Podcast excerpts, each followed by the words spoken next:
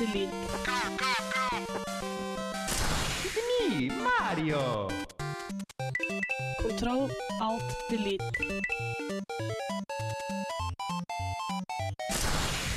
Unable to comply.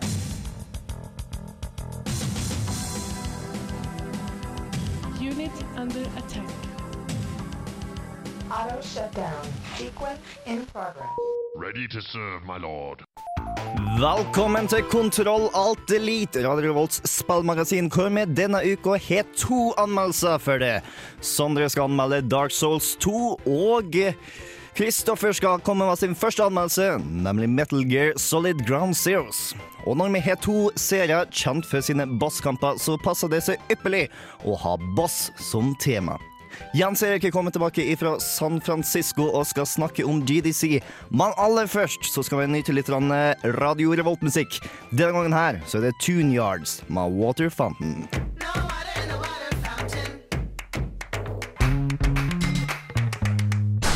Kontroll alt delete. Today we made a difference.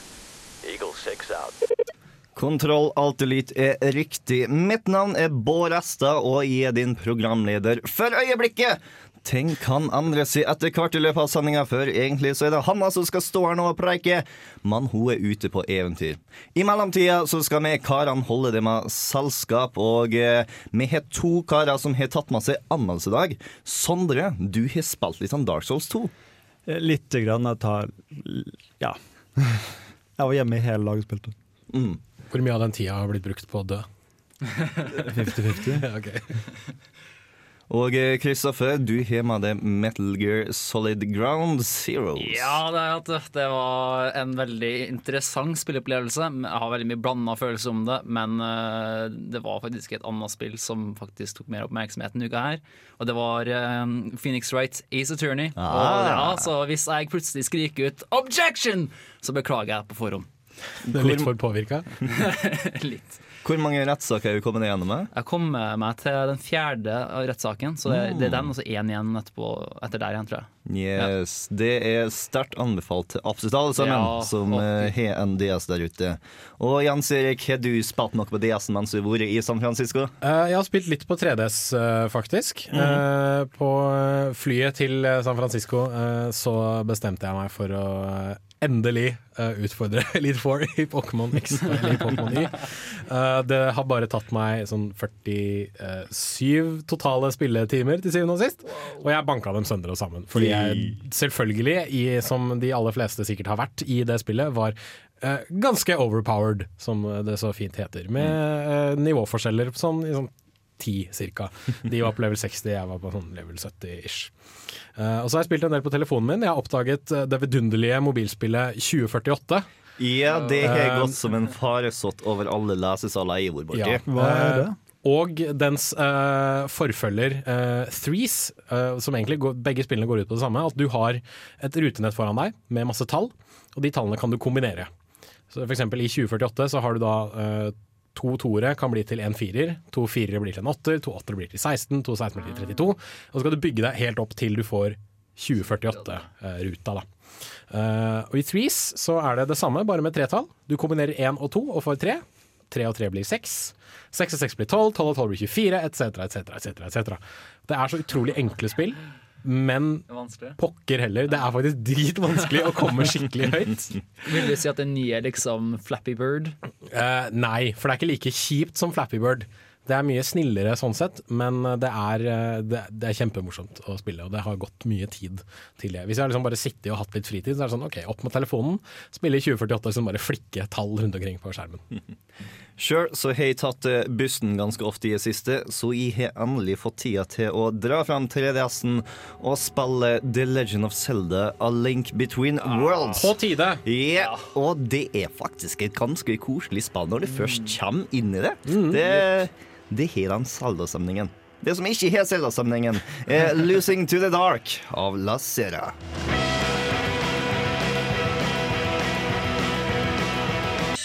Denne uken i Spillnytt. Og denne uka så er vel vår utenlandskorrespondent Jens Erik som stemmer for det aller meste. Jo, takk, takk for den uh, tittelen. Ja, det har jo vært uh, Game Developers Conference i San Francisco. Uh, der var jeg uh, på oppdrag fra gamer.no, selvfølgelig, som jeg jobber frilans for. Men det betyr jo selvfølgelig ikke at jeg ikke får lov til å fortelle litt om GDC her i Kontroll til Elite også. GDC, for de som ikke vet det, er en sånn svær konferanse der spillutviklere kan komme og ja, prate business, rett og slett. De kan eh, snakke med hverandre om ting de har under utvikling. De kan diskutere hvordan de kommer fram til forskjellige løsninger på forskjellige problemer. De kan vise fram spill hvis de har lyst til, de kan gå på foredrag, og de kan eh, prate med journalister hvis de har lyst til det. Eh, og så er det litt sånn prisutdelinger og ymse ting. Og det er vel det første vi skal til. Fordi GDC har alltid noe som heter Independent Games Festival, der uavhengige spill får lov til å vise seg fram, og der skal det selvfølgelig deles ut priser. Eh, og den store prisvinneren er jo en av våre favoritter fra i fjor, nemlig Papers, Please. Yes. Eh, fra Lucas eh, Pope. Eh, som handler om at du er en passkontrollør i en fiktiv østblokknasjon. Og eh, deretter går det litt sånn slag i slag da, med moralske valg du må ta, og eh, mennesker du må skyte, og mennesker du må godkjenne, og mennesker du må avvise. Og er liksom ikke Og regler som du må følge på lag, på lag, på lag. Eh, kjempebra spill, og det vant kategori, i i hovedkategorien, og da i selvfølgelig kategorier for historiefortelling og design, som er veldig, veldig bra. Og Lucas Pope, som har stått bak alt sammen, sa jo at dette her da var høydepunktet i karrieren hans. Så herfra er det tydeligvis da bare nedover for, for Lucas Pope, skaperen av Papers, eh, Please. Uh, Device 6, et svensk mobilspill, eh, har også vant prisen for beste lyddesign. Det har jeg ikke spilt, men det hører jeg er veldig kult. Og The Stanley Parable vant publikumsprisen. Så, så det har jo også blitt veldig godt mottatt. Jeg har ikke spilt Stanley Parable, jeg vet jeg burde gjøre det. og det burde sikkert du som hører på også. Um, og så til noe helt annet, eh, nemlig Sony, som hadde en pressekonferanse under GDC, der de skulle vise fram eh, noe eh, stort Project og flott Morpheus. og spennende. Project Morpheus. Som viser seg å være Sonys VR-briller, virtual reality-briller, som da tydeligvis skal ta opp kampen mot Oculus Rift.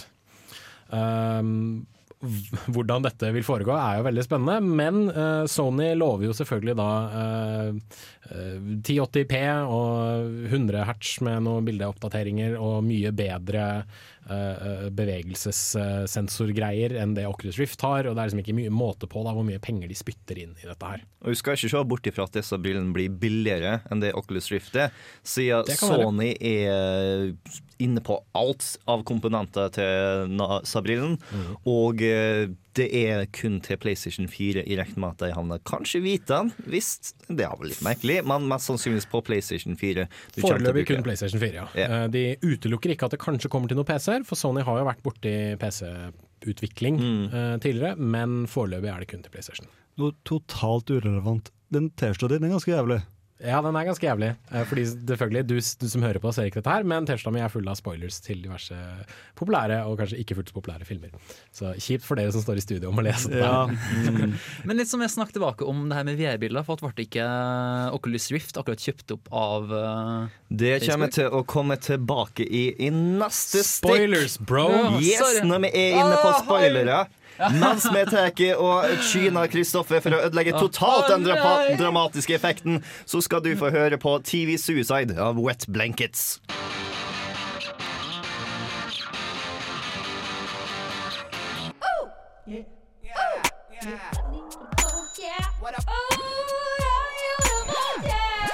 Det er Torstein Hyl, og jeg hører kun på Radio Revolt. God stil!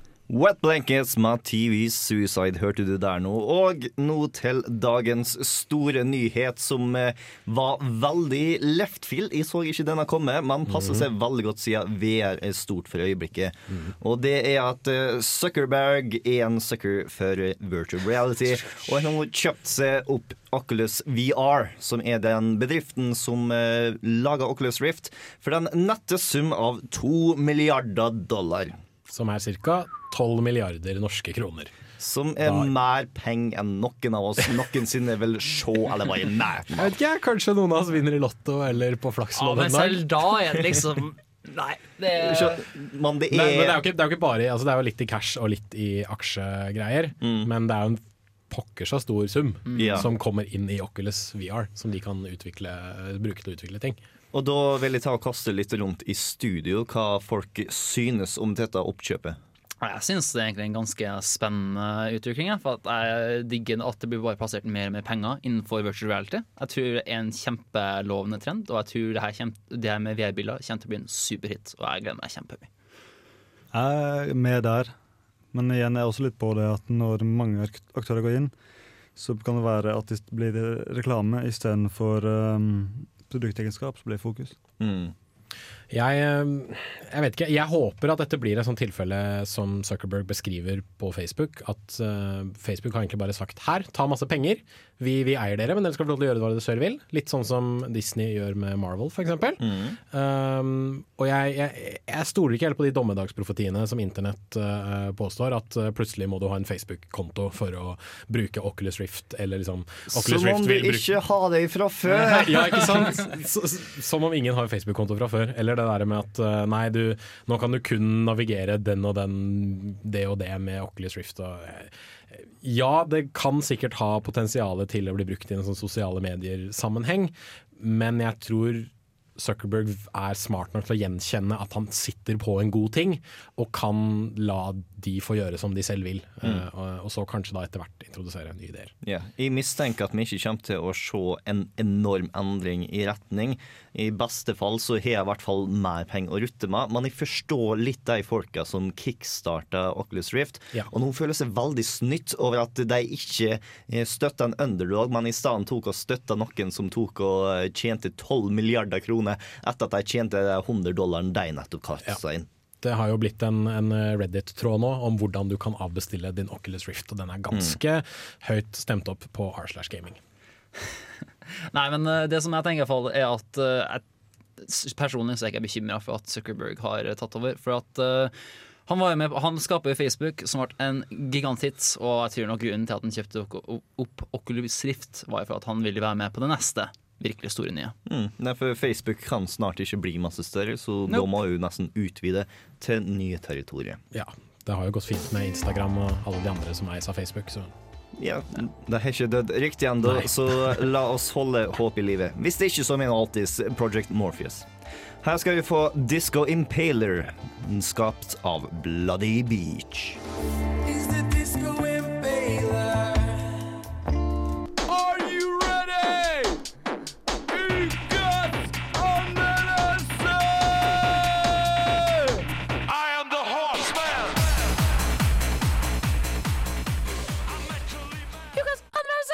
You will die. That much is certain. Death will define your journey. It will follow you, always close at hand. Your only true companion.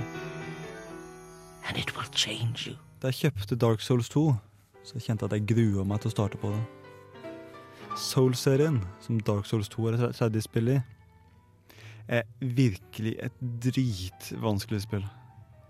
Du hater deg sjøl til det intense igjen og igjen og igjen, bare fordi du, du feiler.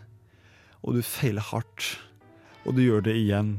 Og du gjør det så mange ganger at hele spillet til slutt bare er en eneste selvkontrolltest. Og jeg har feila. Igjen og igjen og igjen og igjen. Men det Dark Souls har fått til, er at jeg ikke kastes scenen. Jeg venter, jeg stopper, jeg puster litt. Og uansett hva som har skjedd, så prøver jeg alltids en gang til. You will be something less than human, but more than mortal.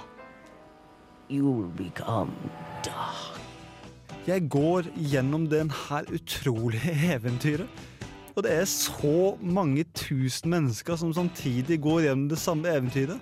Du kan, hvis du sliter med en boss, kan du tilkalle venner. Og det blir et eget broderskap, siden du vet hva de slåss gjennom. Du slåss gjennom akkurat det samme. Det er dritkult. Grafikken er nydelig. Gameplayet er fantastisk. Spillet er en eneste lang utfordring. Og det, det er så utrolig artig. Jeg føler meg som en hillbilly-wife som går tilbake til typen som slår henne. Det eneste jeg ser i Dark Souls som er kanskje verdt å pirke på, er at av og til så må jeg ta et internettsøk for å finne ut banale småting. Når det kommer til fremgangen i spillet. Jeg har null peiling på hva faen jeg gjør. Jeg bare går dit det er fiender og prøver å presse fremover. I perioder så møter jeg på en fiende som er så sterk at jeg bruker heller tre-fire timer på å gå og lete etter det må finnes en annen vei. Og det gjør det alltid. I level 40 slåss jeg mot en person som en kompis av meg ikke møtte før level 90. Spillet er så nært en perle som jeg har kommet. Det er virkelig kjempebra. Jeg har ingenting annet å si. Det tar vekk pusten min. Your wings will burn in anguish, time after time. For that is your fate. The fate of the cursed. 9,5 av 10.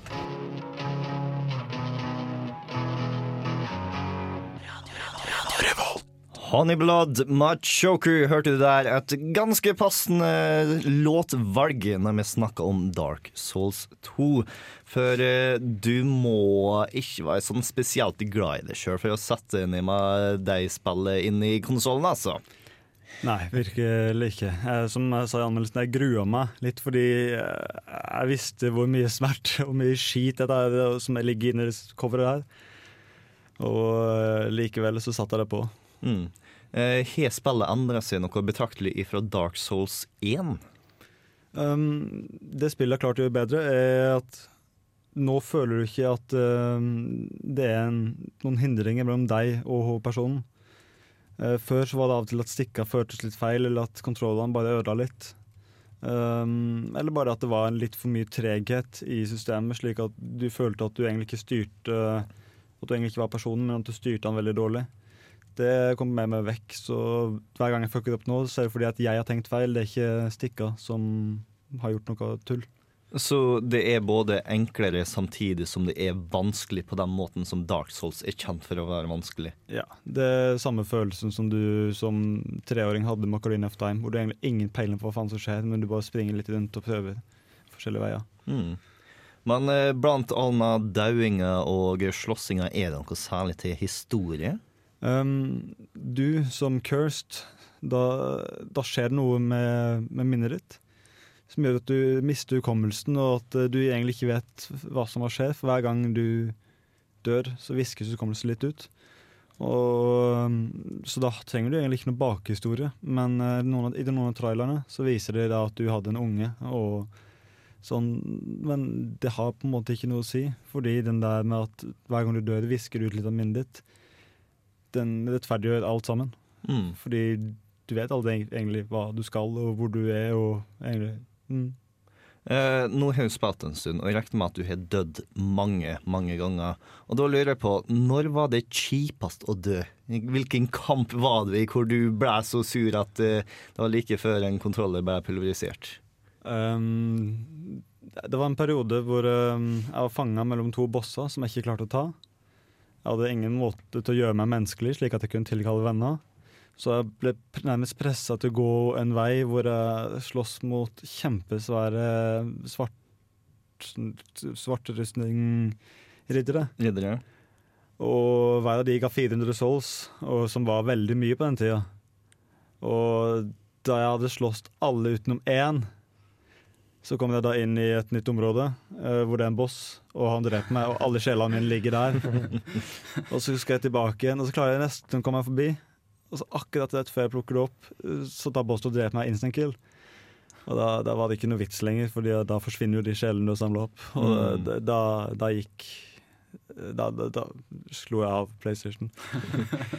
Dersom du synes dette høres ut som en hyggelig tid, så fikk Dark Souls 2 9,5 ut av 10 av Sondre. Det er ute på både PlayStation 3 og Xbox 360. Når vi kommer tilbake, så skal vi høre hva Kristoffer syns om Metal Gear Solid Ground Zeroes, men aller først skal vi høre litt Psychic Trauma av Cloud Nothings.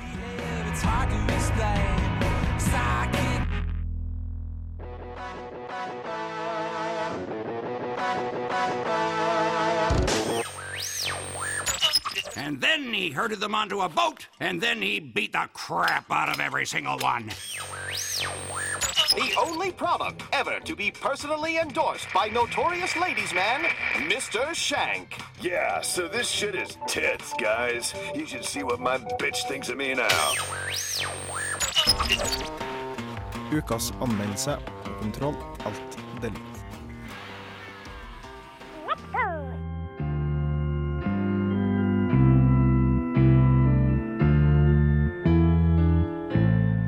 Here's to you. En låt med mye historie bak seg er det Hideo Kojima har valgt til å sette stemninga til den nye installasjonen i hans historiefylte serie av snikespill.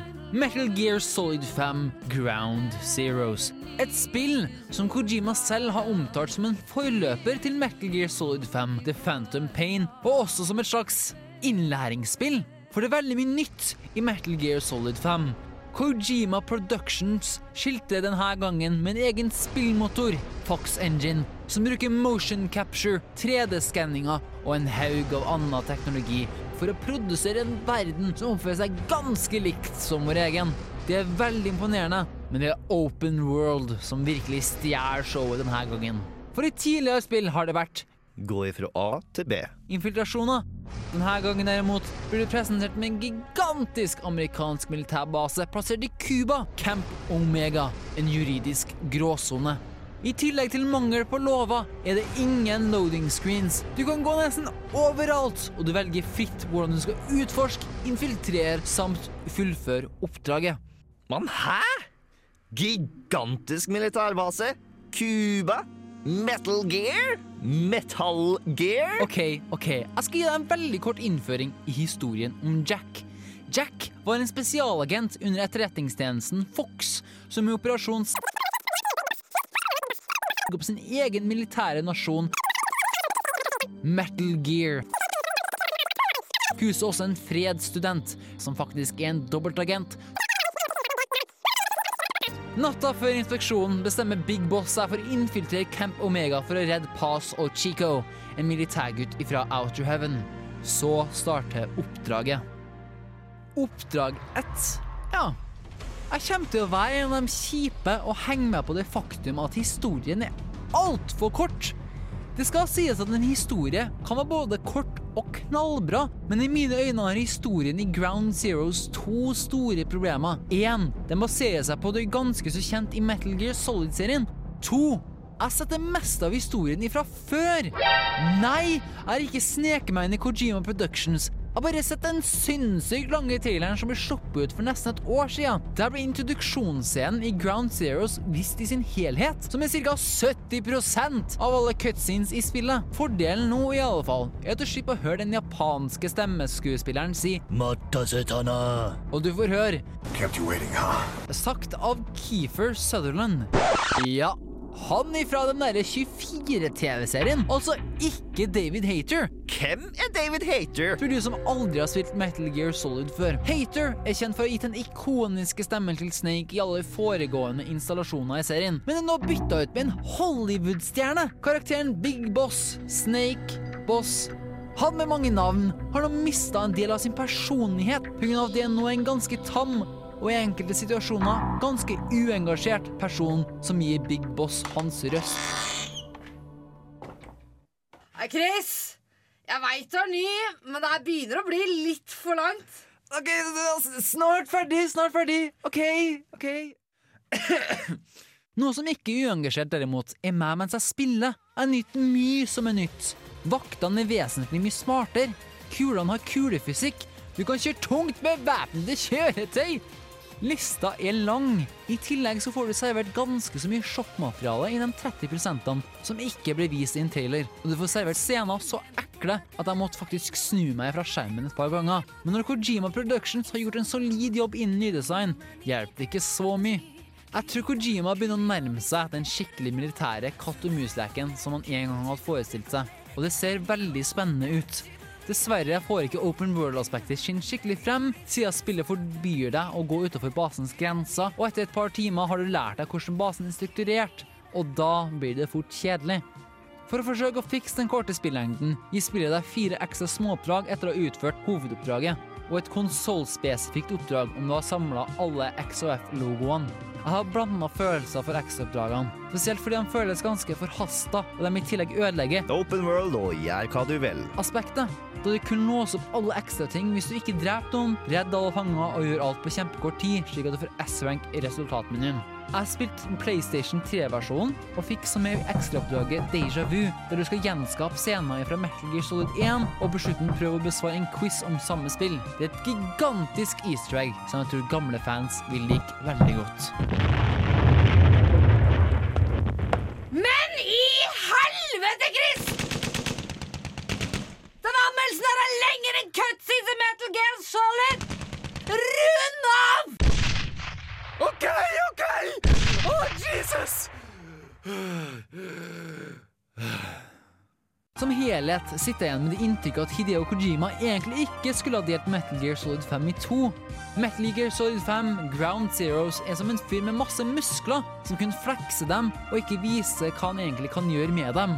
Ground Zeroes får meg til å glede meg til Phantom Pain, som visstnok skal være 200 ganger større og inkluderer enda flere gameplay-elementer. Ja, det koster kun 150 kroner, men samtidig føles det mer ut som en tech-demo enn et skikkelig standalone-spill. Spillet er en moro militær sandkasse som underholder deg et par timer, men så går du lei. Karakter fem av ti.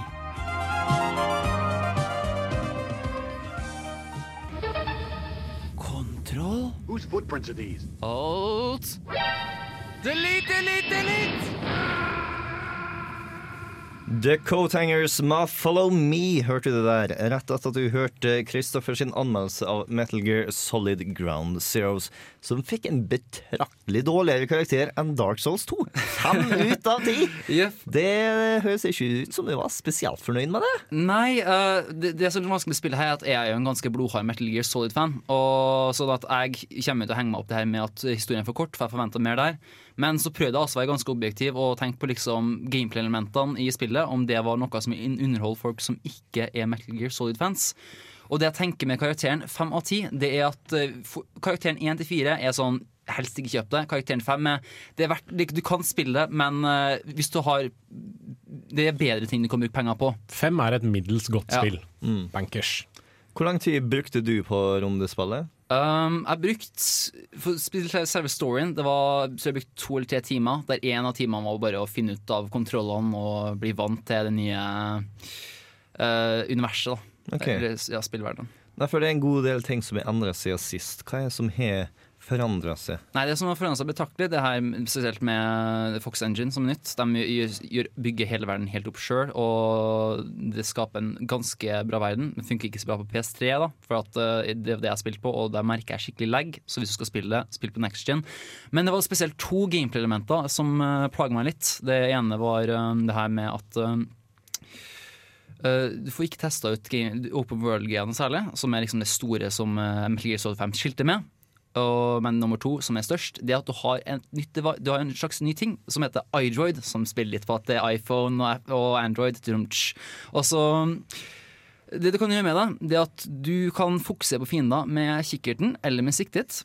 Og så er det markert da på skjermen din hele tida, så du vet alltid hvor de er. Med, Og hvis de er bak en vegg, så er det markert. da Det er litt Far Cry 3-greia. ja, sånn cirka det ish. Og det syns jeg ødelegger veldig mye, spesielt når de har gjort så bra lyddesign. For hvis du har på deg headset med stereo, så kan du høre kjempebra hvor de er. Hmm. Og når du nå vet hvor de er uansett, så blir det liksom litt mindre spennende. For før var det sånn at OK, jeg holder på å snike meg rundt. Oh shit, det er en fiende rett foran meg! Hva gjør jeg nå? Ja, må forte meg å ta den, ikke sant? Før den sier fra. Nå er det sånn Nei, nå vet jeg at den er rundt hjernen her. OK, jeg venter til den har gått forbi, og så går jeg videre. Og så En annen ting også som jeg har nå, det her med at uh, du har noe som heter reaction time. For Hvis du blir sett nå, så er det ikke sånn at det går automatisk til alert, eller at du må reagere sjøl. Nei da, du kan holde inn sikteknappen, og da går du i slow motion. Og i løpet av den 3-4-5 sekunder lange slow motion-tida, så kan du bestemme deg for enten plaffe ned fienden med en øh, dødelig pistol, eller bruke tranquilizer gun til å headshotte og gjøre det sånn sovne med en gang. Så spillet har rett og slett blitt litt for enkelt. Ja, men samtidig så lurer jeg på egentlig hvorfor han har gjort det. Jeg tenker at Hideo Kojima kanskje liksom har lyst til å være litt kunstnerisk med å tenke at ok, du skal spille den legendariske soldaten Big Boss. For Big Boss ville vært en type Ja, ja, ja, ja. kjempebra reaksjoner. ikke sant? Mm. Sånn. Så jeg kanskje prøver prøv å sette inn den karakteren. da. Men samtidig, hvis du har lyst på en større challenge, så kan du skru av reaction time og få ekstra poeng for det. Så okay. sånn sett så kan man jo fjerne det, da. For Problemet er jo da når du har en så kul og flink figur som Big Boss, at du skal overføre det til gameplay-elementet, så forsvinner jo utfordringen ganske betraktelig. Ja, de gjør det. Absolutt. Vel, du har nå Batman Arkham Asylum-serien som er ganske flink på det, hvor du føler like kompetent som Batman, men fremdeles blir ganske godt utfordra. Mm. Men det er kanskje litt fordi han altså, blir du skutt, så er du dau. Han er jo Mm. ikke eh, Han er jo ikke kulesikker. Faen, hva er det? Skuddsikker. Hva heter? Skuddsikker! Yes. Faen, altså! Eh, Den satt langt. Man har hørt at eh, du burde ta og spille Metal Gear Solid Peace Walker før du spiller dette, og stemmer det? Det stemmer absolutt. For at det som er problem, det, det som største problemet med spillet her også, det er at uh, i tidligere spill så har uh, Hideo Kojima vært veldig flink til å introdusere karakteren for deg, mens nå får du Ja, du blir bare interessert uh, du, du blir bare putta rett inn i historien, og du, du forventer at du kan ting fra før. Mm. Jeg tenker at jeg spiller gjennom Peace Walker først, og så plukker jeg opp eh, Ground Zeroes, som til tross for fem ut av ti er noe jeg skal ta og spille. Her skal vi ta og høre litt mer på musikk. Denne gangen her så er det Sharon Van Etten som står for tur med 'Taking Chances'.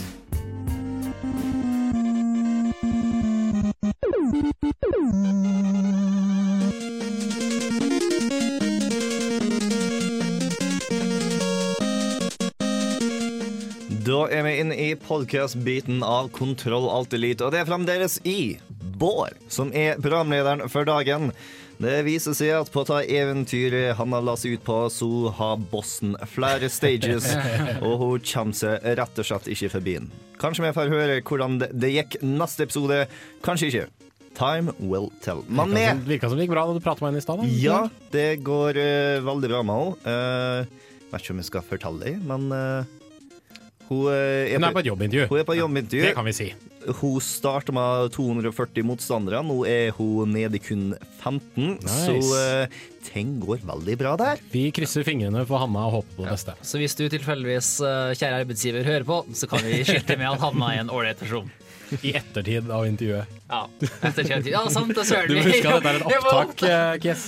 Ah, det er ikke lett å være ny noen ganger, altså. Men vi trenger ikke han for å snakke om bossfights her, vet du. Vi har mer enn nok erfaring med skurker som er masse større enn andre skurker, som du gjerne har nødt til å ta og skade på tre ganger, som det gjerne er. Og eh, jeg har lyst å begynne med å kaste spørsmålet rundt i studio. Kanskje mest naturlige spørsmålet å spørre hva er favorittbossfighten til folk? Ah, nå begynner det vanskelig, Bård. Ah, Skal, skal, det litt tidligere, skal jeg tenke litt. Ok. Det, det er så mange. Det er så Jo, mange. jo, men, men, vær så snill, ikke la oss begynne med 240 og arbeide oss ut derifra. Men Sondre har i hvert fall én. Ninjaguiden, når du ehm, Da Ikke siste boss, men den nest siste boss. Okay. Som er, eh, det, det er bare det største what the fuck-øyeblikket som finnes. Det kommer opp en gående ting med tre hodeskaller som du skal slå i stykker. Hmm. Og alt annet før og etter har bare vært sånn Å, helvete. Og så kommer han der og bare sånn OK, det her tar kaka. Jeg, jeg gir opp.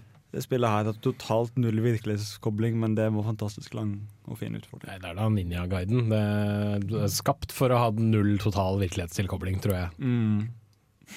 Rett og slett. Kristoffer, du nevnte at det måtte sannsynligvis være en Metal Gear Solid-boss. Ja, jeg sa det for at uh, av alle favorittene mine, så tror jeg på topp fem, så tror jeg alle fem er Metal Gear Solid-bosser. Mhm. Rett og slett for at han Hideo Kojima er jo kjent for å ha ganske kreative boss battles. Yes. De mest kreative er vel kjent som eh, Psycho Mantis. Yes, eh, hvor eh, du kommer inn i rommet hans, og han begynner med å Kristoffer. Ja, ah, OK, for at før vår spoiler skjer. Jeg- jeg- jeg jeg må- Ja, opp og ned i studio av ren entusiasme. Jeg må fortelle historien her, OK? Fordi at, ok Det her er Dere må forestille dere 11-12 år gamle Kristoffer Monsen. Jeg sitter eh, oppe etter leggetid og er i kjelleren og spiller Metal Gear Solid med, med hodetelefoner på, slik at mamma og pappa ikke skal høre at jeg er våken. Og jeg spiller det, og det begynner å bli som klokka to-tre om natta. Det er kjempemørkt overalt, og så plutselig så kommer jeg til Psycho Mantis-bossen. Og bare oh shit, oh shit, det er jo skikkelig creepy. ikke sant? Plutselig så begynner han å si å jeg vet hvordan du har spilt til et spill, og så får han kontrollarmen til å flytte seg. Og han får ja, og så begynner han spill som enten jeg eller noen andre i familien min har begynt å spille. ikke sant? Jeg bare what?! Og så kjenner det til selve boss-battlen. ikke sant? Jeg klarer ikke å slå den, og så plutselig så er jeg bare sånn Ja, husk å bytte kontroll og port. Jeg bare wow, bytta? Hva som skjer her? Wow! Nei, det var en av mest kreative boss-battlesene, altså. Det er selvfølgelig Hideo Kojima som utnytter hardwaren, hvor han Mm. leser minnebrikken til PlayStation eller GameCuben, alt etter hva du spilte det på, og nevnte de spillene du har savefields til. Brukte rumblen i kontrolleren til å bevege på kontrolleren, og eh, minner på at du kan manipulere spillet utafor spillet også. Men så har han også tenkt det her på med hardware limitations også. For at hvis du ikke klarer å av en eller annen plugge inn i kontrollport 2, så kan du faktisk bare dø én gang, og så ringer du Colonel som forteller at du skal ødelegge statuer som er rundt i rommet, og da kan du klare det likevel, da, uten å Mm. måtte gjøre noe fysisk i virkeligheten. Men etter all fluffen med Psycho Mantis er ferdig, så er han ikke den mest utfordrende bossen. Nei, han er ikke det. Det er The End. Det er vel kanskje en litt mer interessant boss på den Mm. måten. For eh, han er de fleste bossfighter i Metal Gear Solid er veldig intense. Nå er sånn oh shit, Hey, veldig rask musikken, du må ta og skynde og dodge. Wow, wow, wow. The End er nærmere 100 år gammel, grunnleggeren av moderne sniping. Og du beveger på fire store områder med jungel og skal prøve å finne han og skyte han før han finner det å skyte. Men det er også, de har gjort så mye morsomme ting med den også. Uh, en ting under development som var ganske snodig, det var at uh, han The End skulle egentlig være en flere dagers lang boss battle. Det skulle være en sniperfight der du, du bare tærte ut på hverandre, og det snakka jeg og Jens Erik om blant annet her om dagen.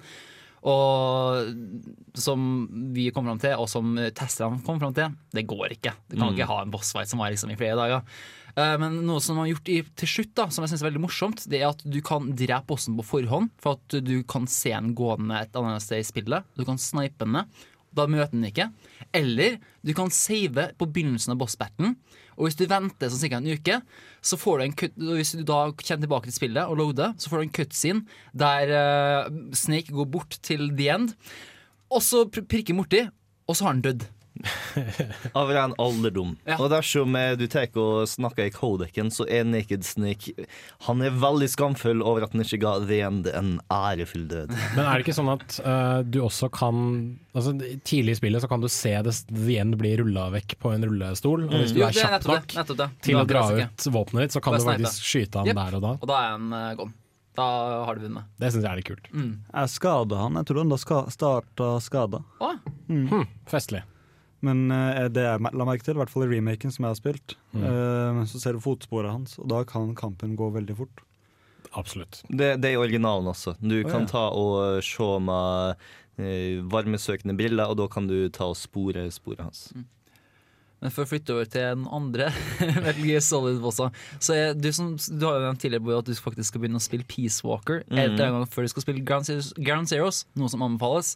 Men der har de gjort noe ganske interessant med boss battlesen. For at, øh, og det tror jeg også er en ganske dårlig game design. Fordi at de har laga bossene slik at du faktisk eh, må nesten ha noen til å hjelpe deg. Eller at du må spille co-op. Fordi hvis du spiller solo, så må du bruke Du må tilkalle supply drops og sånn hele tida. For at du, skader så lite på deg, og det tar kjempelang tid, og bossene er egentlig litt kjedelige. Men så, hvis du har en kompis, så blir det ganske spennende. Pluss noe som er interessant, er at i det spillet så får du bygd din egen Metal Gear. Og Hmm. måten du bygger opp din Metal Gear på, det er at du dreper bossene, og så drar du ut sånne, sånne kretskort da, som du bruker i din egen Metal Gear. Og eneste måten du kan gjøre det på, er å ødelegge spesifikke deler av eh, selve roboten. da at du må spille gjennom flere ganger før du faktisk kan få tak i alle brikkene og bygge opp din ultimate Metal Gear. Så det er veldig interessant vri, men eh, det var et morsomt prøvekonsept som ikke funka helt. Men jeg liker når folk er kreative med boss battlesen, og det funker halvveis, enn at det er bare en tam boss battle som funker A-OK. Jens Erik, har du funnet fram en boss oh, som stikker seg litt ut? Jeg, jeg sitter og, og liksom Altså jeg, jeg sitter ikke og, og drar meg i håret, det gjør jeg ikke, men jeg, jeg prøver å liksom lete gjennom det jeg har av liksom, øh, spillopplevelser arkivert bort i hodet mitt. Eh, det første jeg liksom kommer fram til, er jo dette med at det, som Kristoffer sier, det er kult når noen er kreative med bossfightene sine. Og jeg føler at eh, gutta i Platinum Games er jævlig flinke til det. Absolutt. Uh, og de er også flinke til å lage spill som uh, hva skal jeg si, føles som spill. Du skal få en skikkelig utfordring. Du skal føle at liksom, fingrene dine har jobb, Du har jobba skikkelig. Du har liksom bygd opp ferdighetene dine litt etter litt etter litt, etter litt i løpet av spillet. og da kommet fram til da, den store, største utfordringen helt på slutten. Og det er jo en, altså, en god bossfight er nettopp det. Er en oppsummering av alle ferdighetene eh, du har fått i løpet av spillet som har gått. Um, og de er også flinke til å bare ta ting altså Alt blir så utrolig drøyt. da I Bajonetta så slåss du mot reinkarnasjonen av Gud. Bare fordi, liksom. Uh, I uh, The Wonderful 101 så ender du opp med å slåss mot en um, cyborg-hjerne fra fremtiden som har stjålet den kombinasjonskraften til The Wonderful Ones. Så, liksom, så han har bygd seg selv en svær robotkropp, og så må du bruke din egen svære robot og slåss mot han. Og måten du til slutt banker ham på, er å ta eh, livskraft fra hele jorda, konsentrere det inn i en laserstråle som du bruker til å blåse han av gårde. Og jeg ser Sondre står her med åpen munn og vet ikke helt hva som skjer. Nei, det Um, var litt sånn mye. ja, okay, ja, det er veldig mye. Uh, men mens jeg står her og prater, så kommer jeg fram til at Legend of Zelda-serien også har hatt veldig gode bossfights. Absolutt. Mm. Og jeg tror det første litt sånn wow-øyeblikket for meg uh, under et Zelda-spill var å møte Queen Goma i Ocarina of Time. Inni The Great Deku Tree. Og liksom etter at du har, du har utforsket dette svære, levende treet, som du også kan gå inn i av en eller annen merkelig grunn. Det er Zelda-serien, den er litt sånn.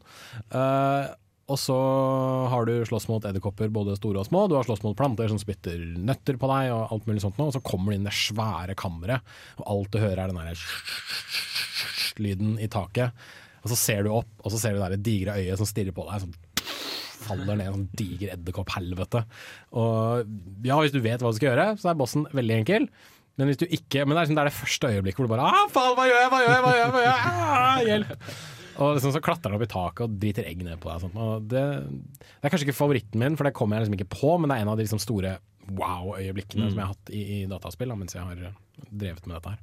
Må jo nevnes at den følelsen du beskriver nå, og hva faen gjør nå, den Ja. kommer hver eneste boss i Dark Souls. Dark Souls, ja, Det tviler jeg absolutt ikke på. Altså. Um, og um, ja, herregud, det er jo så utrolig mye. Uh, så jeg kommer sikkert til å bare komme med sånn flere eksempler etter hvert som vi sitter her og prater. Men uh, det, er, det er det jeg kom på så langt, i hvert fall.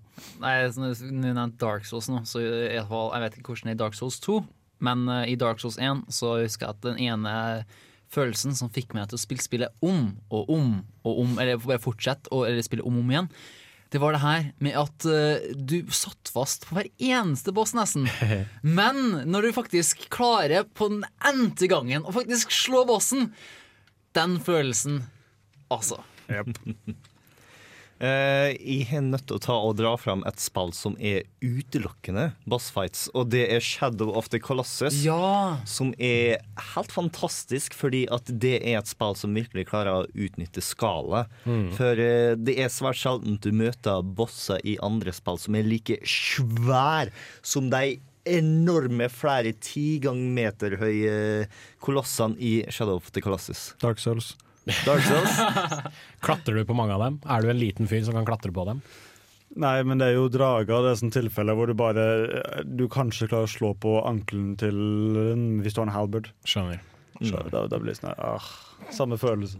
Men jeg synes det er helt fantastisk, og det å gripe tak i håret til så, eh, kolossene, bare dra det oppover, og så har hun den fantastiske musikken som bare pumper det og gjør det så enormt episk, og så kommer du fram til skallen, og du får et par hakk, og så blir du kasta av og må gjøre det hele på nytt igjen. Ja, for det er ganske brutalt der med at hvis du ikke klarer å henge deg fast, eller noe sånt, så dette, og du må komme deg på hesten og Ja, blir bedre igjen, ikke sant? Ja. Det er Det føles ut som en episk kamp.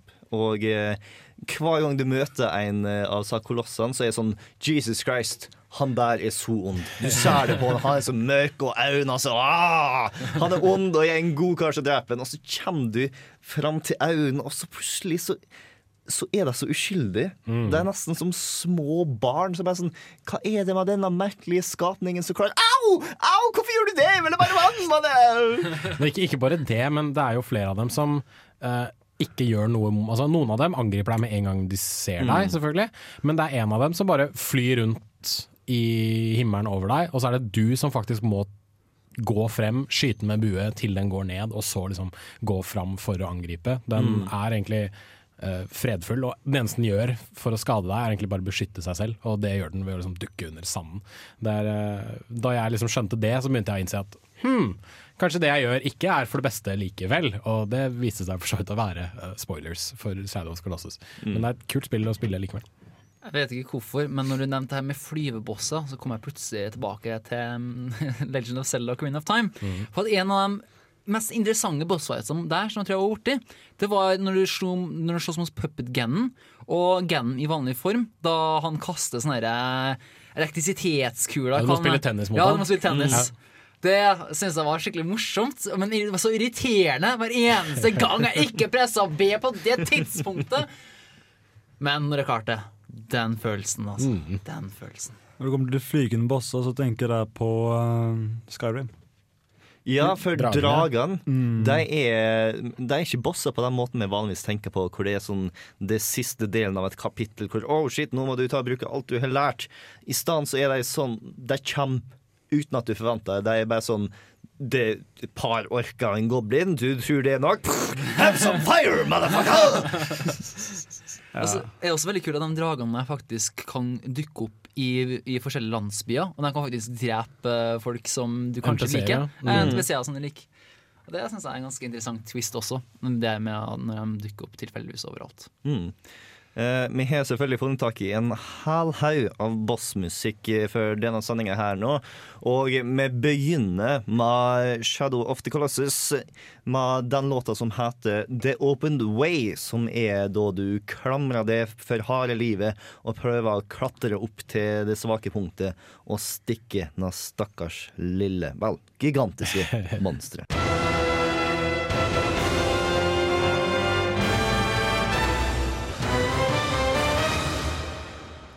The Open Way, komponert av Ko Otani, Om det er riktig måten å uttale det på. Sikkert. Sikkert. Eh, og eh, i- med fortsetter eh, diskusjonen om bossfights. Og jeg har lyst til å vite hva dere synes om hva som gjør en god bossfight god. Eh, hva er det i design og presentasjon og alt mulig rart som gjør at det er en bossfight du husker, og som du har det artig med å spille? Jeg tror det er litt det som jeg nevnte i stad, at det må være en slags oppsummering av alt du har lært Mm. i spillet. Uh, enten da ved at du tar Selda-metoden, hvor, hvor de på en måte sier at ok, bruk, prøv å finne ut hvordan du kan bruke alle gjenstandene du har uh, ervervet deg i løpet av spillet, og bruk det mot denne tingen du slåss mot. Uh, eller da ved at det er liksom eh, for eksempel hvis det er et spill som har mye fokus på at du skal dukke unna og så slå tilbake, at det er en, en, slåsskamp som fokuserer veldig på akkurat det. Mm. Eh, eh, og eh, er det en plattformer, så er det jo selvfølgelig mye hopping og spretting som foregår. Uh, Donkey Kong-spillene er jo veldig på det, f.eks. Uh, siste bossen i nyeste Donkey Kong Country er uh, veldig mye sånn korrekt timing da, i forhold til hopping, og eh, når han løper fram og tilbake. Og sånt, da. Mm. Det, det tror jeg ikke alltid Jeg syns ikke det alltid stemmer, siden uh, igjen jeg er prega av Dark Souls-spillinga.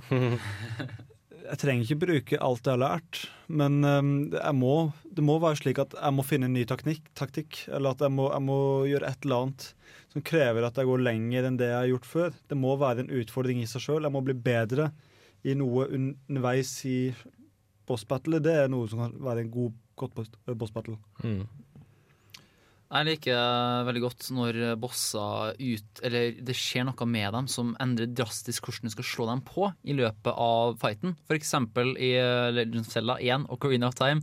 Så skal de slåss mot uh, i, I slutten av spillet så skal de slåss mot Ganon. Uh, først slår hun jo bare i vanlig form, og da er det jo en vanlig Eller ikke vanlig, men du har den der tennisfighten. Mhm. Og så etterpå, når du liksom tror at du har shot den Yes, jeg kan spille prinsessa i med meg, du springer ned tårnet, ikke sant. Så vi er plutselig utafor, tårnet raser sammen, og plutselig så får du den der sk sk skumle Ganondorf eller Ganon, jeg vet ikke hva han Kun Ganon. Alle andre har en tittel, men Ganon trenger ingen tittel. Nei, for at det er det er gigantisk beist som ser jævla stygt ut, og som har sånn to gigantiske ja, stikkes... Jeg vet ikke hva jeg skal kalle det for, men Det- eh, Det er jo sverd, i hvert fall. Ja. Og så det altså, med at bosser kan forandre seg og plutselig se helt ny ut, eller at det er i hvert fall en annen måte å se dem på, syns jeg er kjempespennende. Nei, variasjon er veldig Mm. eh, bra for en bossfight. Fordi at dersom du føler at du gjør det samme over og over igjen, og spesielt hvis jeg har så sjukt masse HP Ja. at eh, Ja. du har nødt til å repetere ta sånn 30 ganger når du har fått en bedre opplevelse ut av det dersom du repeterte kun sånn 10, mm. det er en bossfight som taper med helt totalt. Jeg er litt sånn blanda følelser for det også. eh, Fordi at uh, i Peace Walker, uh, Metal Gear Solid Peace Walker, så har du jo den der svære tankene. Og jeg, den tida jeg spilte, så hadde jeg ikke en kompis som hadde Peace Walker, som hadde spilt alene. Uh, det var litt, kanskje litt kjedelig noen ganger, for at det var noen ganger så repetitivt. Men når jeg liksom hadde brukt en halvtime til en time på å prøve å slå denne bossen, og jeg klarte å slå den, så, var det, så, følte jeg sånn mest, en slags mestringfølelse Mm. også. For at eh, jeg tenkte yes, nå har jeg klart det. Og de gangene jeg ikke klarte det, da forsvant kontrolleren ut vinduet. Ja, men det blir også en sånn litt sånn balansegang. Mm. Hvis det er Da må det fortsatt Da må det være vanskelig.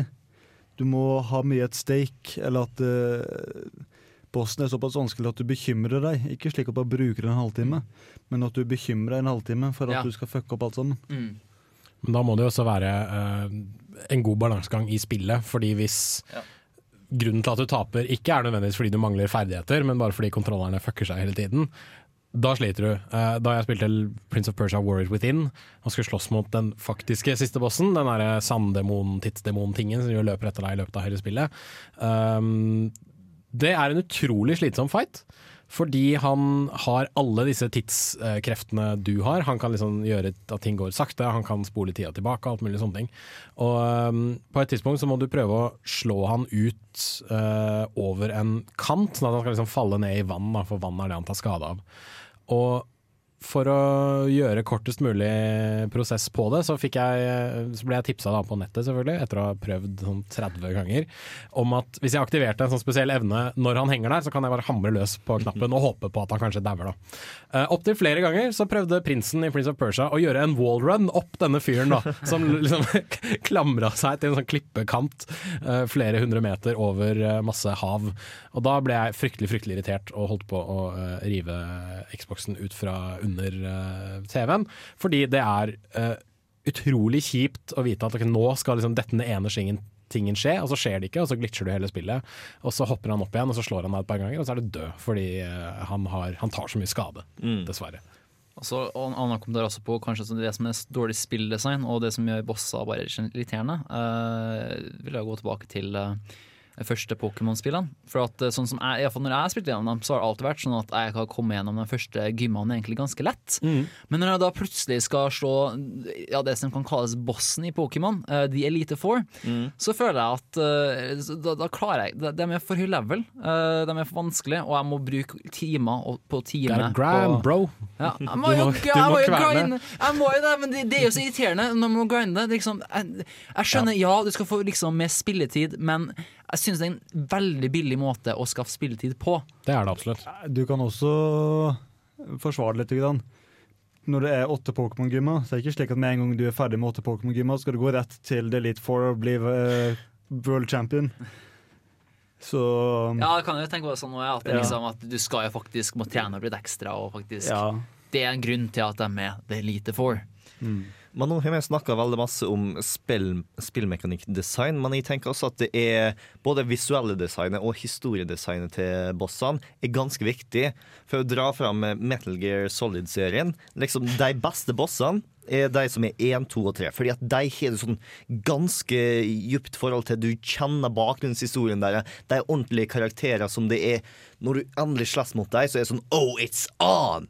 Men både de spillene før på MS6-en og i Metal Gear 4 og utover, så er det bare sånn Vel, det er en bossfight. Vi er nødt til å ha en. Og eh, sure, hun dama her er hot, og tilbake i tida så var livet hennes kjipt. Det får du vite først etter at du har drept henne. Men da, er det jo, da, da vil jeg jo si at det er Kojimas historiefortelling som, som gjør at det ikke blir minneverdig nok. I de andre spillene, det er jeg helt enig i. Ja, uh, Spesielt det du nevner med at eh, du får først vite den tragiske skjebnen etter at de er vekk, på en måte. Mm. Men sånn er det jo i Metal Gear Solid 1 også, hvis jeg ikke husker helt feil. vel, du får vite den tragiske historien, men du, du, det blir bygd opp som ordentlig badasser. Det er sant. De, de, er en, de er en trussel mot deg før du faktisk slåss yeah. mot dem. For. Psycho Mantis, du kommer til han og er sånn Holy shit, hvordan skal jeg slå den Mm. karen her nå?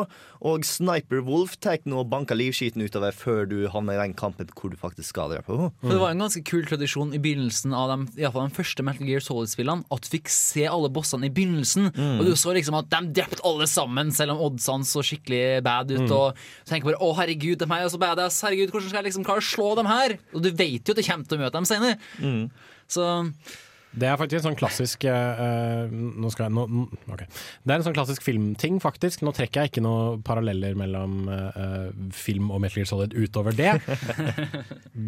Ja, bare så det er sagt. Uh, men hvis, du, hvis du viser at skurken din er en jævel, og at han har liksom kraft nok til å faktisk hamle opp med helten, så er han en mye bedre trussel overfor hovedpersonen enn om de bare liksom møttes en dag, og så slåss Mm. de. Så det er derfor nesten alltid i slutten av akt én, kanskje noen ganger også i slutten av akt to, at uh, helten og skurken møter hverandre, og så slåss de, og så vinner alltid skurken. Mm. Fordi da er ikke helten kommet langt nok til at han kan eh, liksom hamle opp med skurken på, på like plan ennå.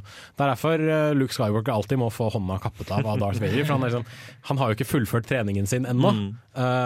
Så han har liksom ikke kommet så langt som han, som han kan som, som helt, da, eller som protagonist. Mm. Og det er, noe, det er noe lignende i spillet også, syns jeg. Ja. Nei, Valve har Jeg, jeg hørte på kommentarene til utviklerne på Half-Life 2. Og der så påpekte de at hver gang du tar og slåss mot noe som er stort, så skal du se det først en gang før, uten å være i kamp. Det er bare flyr forbi, eller noe Mm. sånt som er, hvor det er sånn Holy shit, hva faen er det? Og så er du i kamp, og så ligger det der død, så du kan studere deg nært. Og et annet spill også som drar fra denne teknikken med å vise hvor skummel de er på forhånd, er jo GLaDOS fra Portal. For at uh, høres jo litt som en litt sånn morsom og sånn type i begynnelsen, mens etter hvert så begynner du å skjønne at det her er egentlig en uh, robot som er ute etter å ja, prøve å få deg daud. Og så når du får gå inn i kontorene og sånn, du ser dem er tomme og du får vite mer med historien, så vet du at det her altså er en veldig skummel AI som driver på Ja, men rundt. it's in the name of science. Hun gjør bare det hun programmerte. Det er faktisk sant. Hun gjør bare det hun programmerte. We do what we must because we can. Men når det kommer til Portal-bossfightene, de er bedre bossfighter sånn narrativt sett enn mm. spillmekanisk, fordi at i Portal 1 så fjerner du eh, kula fra Grados, og i Portal 2 så legger du til kula på siste bossen, og det endrer sånn totalt personligheten deres. Og det blir bare så kjempeartig å høre på. Eh, Så bossfighten er veldig underholdende, men ikke fordi at du er, er nødt til å ta ut for deg sjøl noe særlig. Ja, for det er jo egentlig ganske enkelt, yeah. en, sånn, en kamp egentlig. Mm. Eh, hvis du vet hva du skal gjøre, og det forhåpentligvis burde du jo vite. Jeg synes det er ganske morsomt også når bosser legger til noe i liksom, hvordan spillet funker. Blant annet i Catherine så har de jo, at til vanlig så har de jo sånne puzzle-solvinger. der de skal klatre opp blokker av tårn og sånn, og du trenger kun bekymre deg med å klatre opp og pushe ned folk som står i veien. Det er liksom det du skal bekymre deg for. Men så plutselig så har du de boss-stagene, der du har bosser som kommer til å enten kutte eller kvele eller gjøre et eller annet nasty, og som gir ekstra motivasjon til å klatre fort oppover. Og det syns jeg er en ganske kul uh, måte å gjøre bossfights på. At du bare legger til liksom, en ekstra trussel eller et gameplay-element i spillet, enn at det faktisk er uh, drep bossen over sånn tre ganger. Når vi er inne på Atlas, så må jeg bare ta og dra fram Persona 4. For bossfightene der er helt fantastiske. Fordi uh, skurkene i hvert eneste nivå er en vann du snart kommer til å få, sin personer. Det er liksom den mørke, undertrykte delen av personligheten deres som de er veldig skamma over. Som de prøver å ikke innrømme til seg sjøl er seg sjøl. Eh, som blir bossen, og det fungerer fantastisk narrativt, fordi eh, da blir du veldig godt interessert i karakteren, og når du endelig har tatt hånd om den personlighetsbiten, så blir personen med på laget ditt. Men det, det er også veldig kreativt design de har gjort på de forskjellige bossene, sånn som eh, en av de første bossene handler om eh, ei eh, søt jente som føler seg fanga i familiebedriften. Så da er hun en fugl fanga inni et bur som holder på å rive seg sjøl ut. Kult. Mm. Eh, jeg har ikke noe å følge opp med det, dessverre. Bare, så vi snakka i sted om bosser som, eh, bare, eh, som forandra seg på et sett og vis. Et, Mm. et spill som er liksom, eller, en boss som har blanda følelser for, det er Bowser fra Super Mario 64. For jeg synes det var en Ok. veld, ja, for det var en, jeg synes den bossfighten var en veldig kul måte å drive bossfights på. For noen som ikke har spilt det, så er det du skal gjøre, det er at du skal Du er på en vanligvis en svær sirkel, og du skal prøve å bare ta tak i halen til Bowser ved å lure ham på et eller annet vis. Og når du har haren, så skal du bare snurre og snurre og snurre rundt, og slik du får momentum, og kaste den på en, på en bomba som er på endene av sirklene. Men eh, det som gjør at jeg blander følelser for denne bossen, er at det som skjer når du Du skal møte den tre ganger, og det gjør du når du har samla opp nok stjerner. Og det eneste som forandrer seg da, det er jo at uh, han blir bare kjappere til å flytte seg rundt. Det er liksom ikke så mye Og mer. han blir større også. Ja, så, ja, større. Og... Han ser mer badass ut. Han har sånne skikkelig tatoveringer på nummer Ja. to. Så det skremte livskiten ut av meg. Og dette ikke er liksom en del av banen ned i noen Ja. gang nummer tre, eller Mm. Jo. Jo, han vipper hele dritten når Ja, du, lander på det. det var- Ja, for eh, Bowser det var kanskje den eh, bossen som jeg husker best da jeg var liten. For eh, Super Mario 64 var et av de eh, første spillene jeg fikk. Og det å møte Bowser var skummelt, fordi at du måtte komme deg gjennom en sånn skikkelig mørk bane bare for å komme deg bort til han. Og så kommer han, og han har sånn ordentlig badass-musikk. Masse større enn det. Han blåser ild. What the fuck? Og du er nødt til å ta og hamre opp med den gigantiske skilpadden. Eh, nå skal vi ta og høre litt sånn av en musikk derfra. Det er Devastations Doorway. En OC remix av eh, Bowser sitt brett og bassmusikk fra Super Mario 64.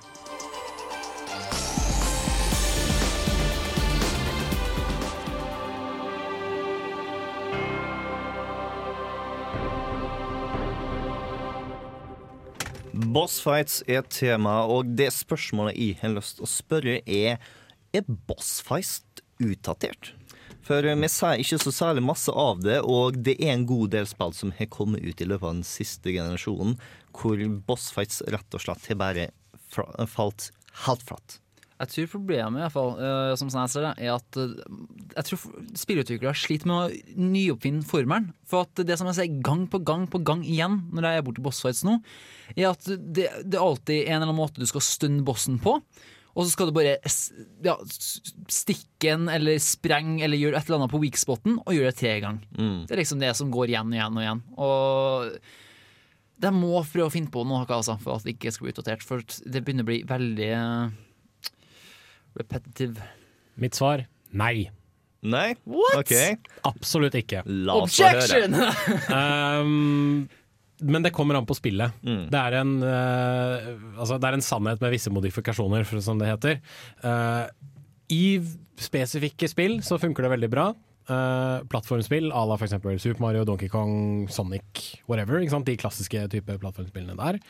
Uh, Syns jeg det fungerer veldig bra. Uh, altså Slåssespill, fightingspill, er jo i bunn og grunn bare bosskamper satt i system, rett etter hverandre. Um, og um, jeg vet at noen Need for Speed-spill har hatt det, så det kan være en måte å gjøre det på. Og ikke, altså, men den der klassiske 'nå spiller du deg gjennom et brett, og så møter du noe'. Castlevania-spillene, eksempel, Mm. de har bra bossfighter. Um, så jeg tror det er Det kommer veldig an på spillet og kanskje sjangeren. Jeg ser ikke for meg at så veldig mange uh, FPS-spill, f.eks., eller tredjepersonsskyttere kommer til å ha særlig, uh, særlig bosskamper. Kanskje noe som minner om det i en viss grad, eller at du kanskje møter en eller annen type fiende som er større og sterkere enn det du har møtt uh, før. Men uh, det er noe som uh, Det vil kanskje bli delegert mer til de sjangrene som passer til det. Mm. Eh, og da selvfølgelig av da utviklere som, som passer til å utvikle det, selvfølgelig. Men jeg ser for meg at eh, det er en del actionspill som fortsatt vil ha det. Sånn type brawler-spill og liksom de type spillene f.eks. Platinum Games lager, som Nintendo fortsatt lager. Det, Mm. det ser jeg for meg fortsatt vil ha bossfighter. Eh, da jeg nevnte spill som falt ganske flatt med bossfights, så er det to spill jeg tenkte spesifikt på. Eh, Det første er Deus X Human Revolution, hvor de har Det var ikke Edios Montreal som har stått for utvikling av nøyaktig bossfightsene. Akkurat den biten av spillet har de tatt og outsourca til et eksternt firma som eh, har klart å misforstått ganske kraftig hva Deus X Human Revolution handla om. Fordi at det var veldig masse Du spilla på din spillestil. Det var liksom sånn 20 forskjellige måter du skulle ta og komme deg gjennom brettet på. Men når du kommer til bossfighten, så er det én måte å klare han på. Og Ja. hvis du har tatt og putta poengene dine i å være en skikkelig gun-toting badass, vel, da er det kjempeenkelt. Har du i stand putta deg i å være flink til å snakke for deg og snike, vel, i håp at du har health packs. Og der er det mer dårlig design som kan argumenteres for greia. Mm. De kunne ha tatt og designa bossfights som det var 20 forskjellige måter å slå bossen på, men det har de ikke. Og det fikk bossfighten til å bare være idiotisk. Jeg er litt uenig, for siden um, når alle fiendene bare var sånn slåss, slåssefiender, så viste det på en måte hvordan motstanderen gjorde ting. Mm. Og du kunne enten være bedre i dem eh, eh, Du måtte være bedre enn dem i det, men du kunne også excelle på andre ting.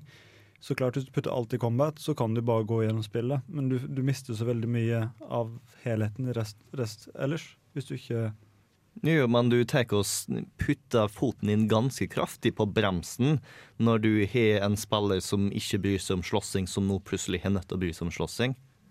Ja, men det setter på en måte krav til at du kan jo ikke bare gå rundt og være Hvis motstanderen tyr til vold, så kan ikke du alltid være diplomatisk og være snikete.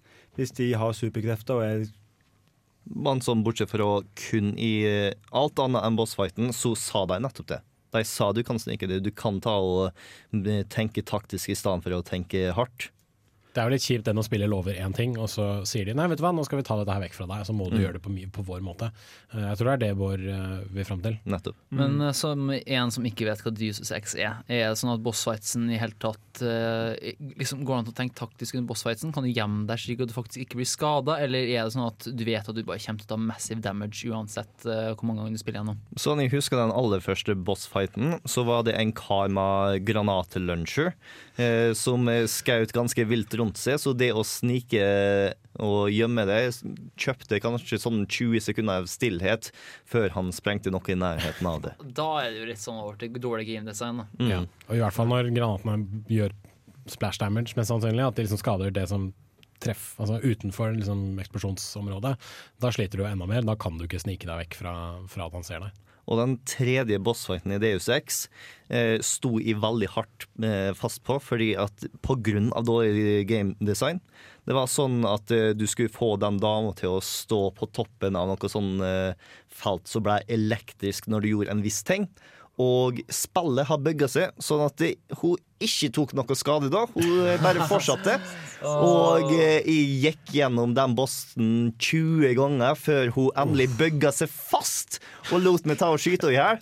Men eh, two wrongs don't make one right, Edios Montreal. Det kan være med er dårlig gamedesign, Yes. men jeg hadde ingen sånn opplevelse. Jeg synes bossene var helt OK. Jo, men jeg regner med at vi vet hvor du putter poengene dine. Jeg er faktisk gestalt, men eh, jeg er såpass flink med kontrollene at jeg klarer meg i skyting også. Ooh, shots fired! Yep. Nei, jeg tror altså at uh, et kontraeksempel, altså et spill som gjør det bra, det her med oppdeling, det er jo Fallout.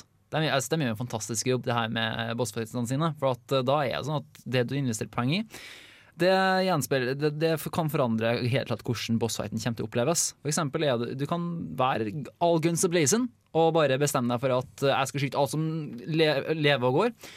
Og så må du i bossfighten ja, skyte, skyte, få ned all helten hans. Mens hvis du velger å istedenfor være den som er den mer pratsomme typen, og som har, er veldig karismatisk og sånn, så kan du faktisk snakke deg gjennom siste bossen. Snakker vi her Fallout 1, 2 eller 3? Snakker Fallout 1, 2, 3 og Fallout New Vegas. Ah, Jeg tror ikke du kan uh, gjøre det på 3, men uh, siden, Ok. Nei, men én, to og New Vegas, ja. Ja. Det er derfor det storytellinga i 3 er litt sånn Ja, det, var jo første gangen Bethesda prøvde seg på å lage et Fallout-spill, så da, jeg tror ikke det det Jeg tror i trea så er det ikke um, skills, det er mer at du får uh, Det er veldig mye mer avhengig av luck Mm. Også. Og, uh, så det var uh, en frahopper av hvordan Fallout-spilleren sleit litt. Ja. Jeg spilte det Fallout, og jeg kunne ikke snakke meg gjennom selv om jeg hadde veldig mye på snakking. Det var avhengig av løkk. Mm. Eh, et spill som eh, gjorde det både veldig bra og veldig dårlig med boss fights, var Batman Arkham Asylum, som har noen veldig awesome bossfights eh, i den første 80 av spillet, hvor eh, Scarecrow Det var fantastisk å møte han hver gang. Og eh, det var litt variert hva folk syntes om Killer Croc, hvor du var nede i kloakken og måtte ta og snike det og slå på riktig tidspunkt og løpe vekk når den dukka opp. Jeg likte den ganske godt. Jeg syns det var litt spennende. ja. Altså, yeah. men men så, så lenge du var kjapp nok på batrangen og kunne liksom bare kaste den Mm. en gang den dukka opp, så var det litt sånn her Å ja, nå vet jeg hva jeg skal gjøre. Jeg må bare kaste. Uh, Det var litt sånn Litt, litt teit, for jeg løp hele tiden tilbake. For jeg visste ikke helt hva jeg skulle gjøre. i begynnelsen. ah, faen, jeg bare kaster. Så det var litt sånn De kunne gjort mer ut av det, syns Mm. jeg. Men uh, Men det som er den svakeste biten av Batman Arkham Asylum, er siste bossen, da jokeren bestemmer seg for at eh, Ja, men da, karer, da tar jeg litt Venom Juice, Ja. og så blir jeg stor, sterk og dum, og så tar jeg og er en større versjon av den store skurken du har slåss mot sånn 18 ganger i spillet. Mm. Og det, det, det er ikke jokeren. Det er på ingen måte jokeren, og det føltes ut som de bare følte at de måtte ha en stor skurk helt på slutten. Det, at det var akkurat sånn det alltid skulle være, og da måtte de ha en stor skurk, i stedet for at du bare gikk opp til jokeren og slo den inn på trynet, og så var alt sammen over. Ja, og Det tror jeg også er et, ganske stort problem, det her med force bossfights. At uh, spillutviklere faktisk føler at det er en trang, eller at det faktisk må være en bossfight. For jeg, jeg tror altså at spill kan være kjempebra uten en eneste bossfight. Ja, ja, ja, Eh, spillet, spill, spillet som er anmeldt og trashtalka tidligere i dag, Metal Gear Solid 5 Ground Zeros, har ikke bossfights. Ja, men samtidig det, det, det, det er også sånn å trekke litt ned Men samtidig så synes jeg altså det var en ganske mye interessant ny måte å spille Metal Gear Solid på. For at det funker bra. Uh, Spillflyten er helt OK, og jeg, jeg blir utfordra. Og så lenge jeg blir utfordra, så klager jeg ikke. Da trenger jeg ikke Moss. Da går det helt fint. Men uh, tenk på de interessante jævlene du kommer til å møte i uh, The Phantom Pain. For Ja, ja, eksempel ja, hun dama med uh, snikskyttergevær som går rundt i bikini hele tiden. Quiet er nok det som heter. Som ikke er kjønnsdiskriminerende i det hele tatt. Nei. Altså, Kojima kan, kan komme med så, så mange unnskyldninger han bare vil for at hun må gå i bikini. Det er ikke bikini, det er undertøy, Ja, rett ikke og sant? slett. Eller liksom, ja, At hun må gå i undertøy, eller bh, Mm. som det i bunn og grunn er. Jeg kommer ikke til å kjøpe det i det hele tatt. Han ville rett og slett at en dame i spillet hans skulle gå i bikini hele tiden, og det var det han gjorde. Jeg hørte at liksom historien var at han ville lage en karakter som var vanskelig å cosplaye, eller noe sånt, og det er derfor var grunnen til at hun liksom skulle være så rart designa. Jeg kan garantere at noen vil finne en måte.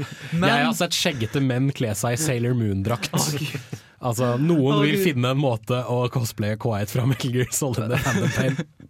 Men du får se sinnssykt mange freaky eh, som ser ut som bosser i Phantom Pain nå. Du har jo blant annet en fyr som er on fire, og så ser du blant annet en gigantisk hval som hopper ut fra ingensteds. Og liksom, Ja, Space Whale. Mm. Jeg håper at uh, det blir spennende boss der, for jeg tror uh, nå til dags er det liksom Metal Gear Solid som jeg har fått flest spennende og kreative bosser ifra. Det er Mm. derfor jeg tror vi nevner så mye også, er fordi at de har uh, ganske mange nyskapende bosser Mm.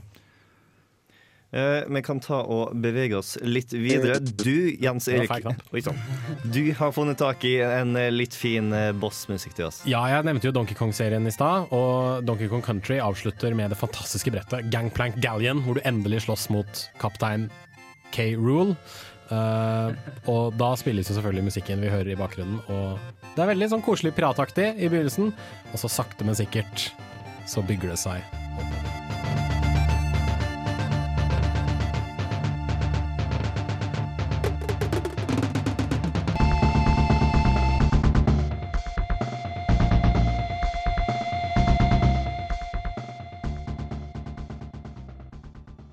Gangplank, Gangplank Galleon av David Wise der fra Donkey Kong Country.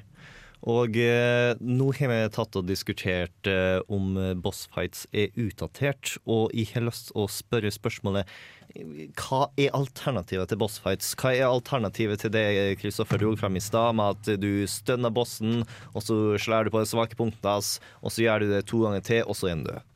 Mm. For det er ganske repetitivt, og jeg tenker at tilbake i tida så var bossfighten et ganske viktig narrativtrekk. Mm. Det var liksom eh, For å ta og sette et punktum i kapitlet. Du har gått gjennom alt dette.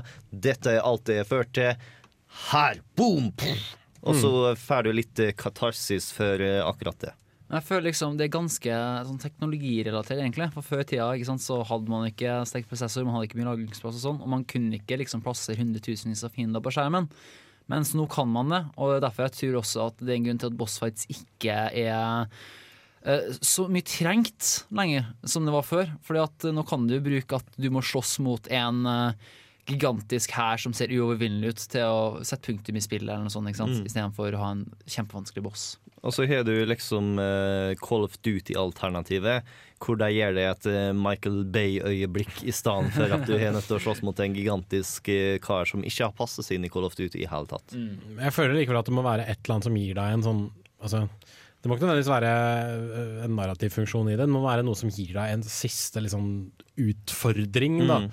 Eh, og eksempel måten Mass Effect 3 gjorde det på, syns jeg fungerte ganske bra. Det at du får bare masse fiender etter deg hele tiden, hele tiden, hele tiden, hele tiden, helt til den der kanonen blir uh, klargjort, som du liksom må løpe bort og trykke på knappen, og så Mm. skytes den av gårde for å drepe en av, eller prøve å drepe en av Reapers. Og jeg husker at jeg spilte gjennom den sånn to-tre ganger før jeg liksom fikk det virkelig til, for jeg stressa noe utrolig med den. Og liksom, det kommer bare sterkere og sterkere ting mot meg hele tiden, og så får jeg liksom på øret at ok, nå er, den, nå er liksom kanonen klar. Og jeg bare tenker OK, F dette, og så sånn skyter jeg det som ligger foran meg, og bare løper og hamrer løs på A-knappen. For at hver gang jeg kommer til en sånn jævla hindring, så må jeg selvfølgelig hoppe over den. Trykker hele tiden, og så bare kommer fram, så bare Så ser jeg liksom cutscenesene tar over. Commander Shepherd hamrer eh, hånda si på kanonen, og jeg tenker åh, endelig er jeg ferdig.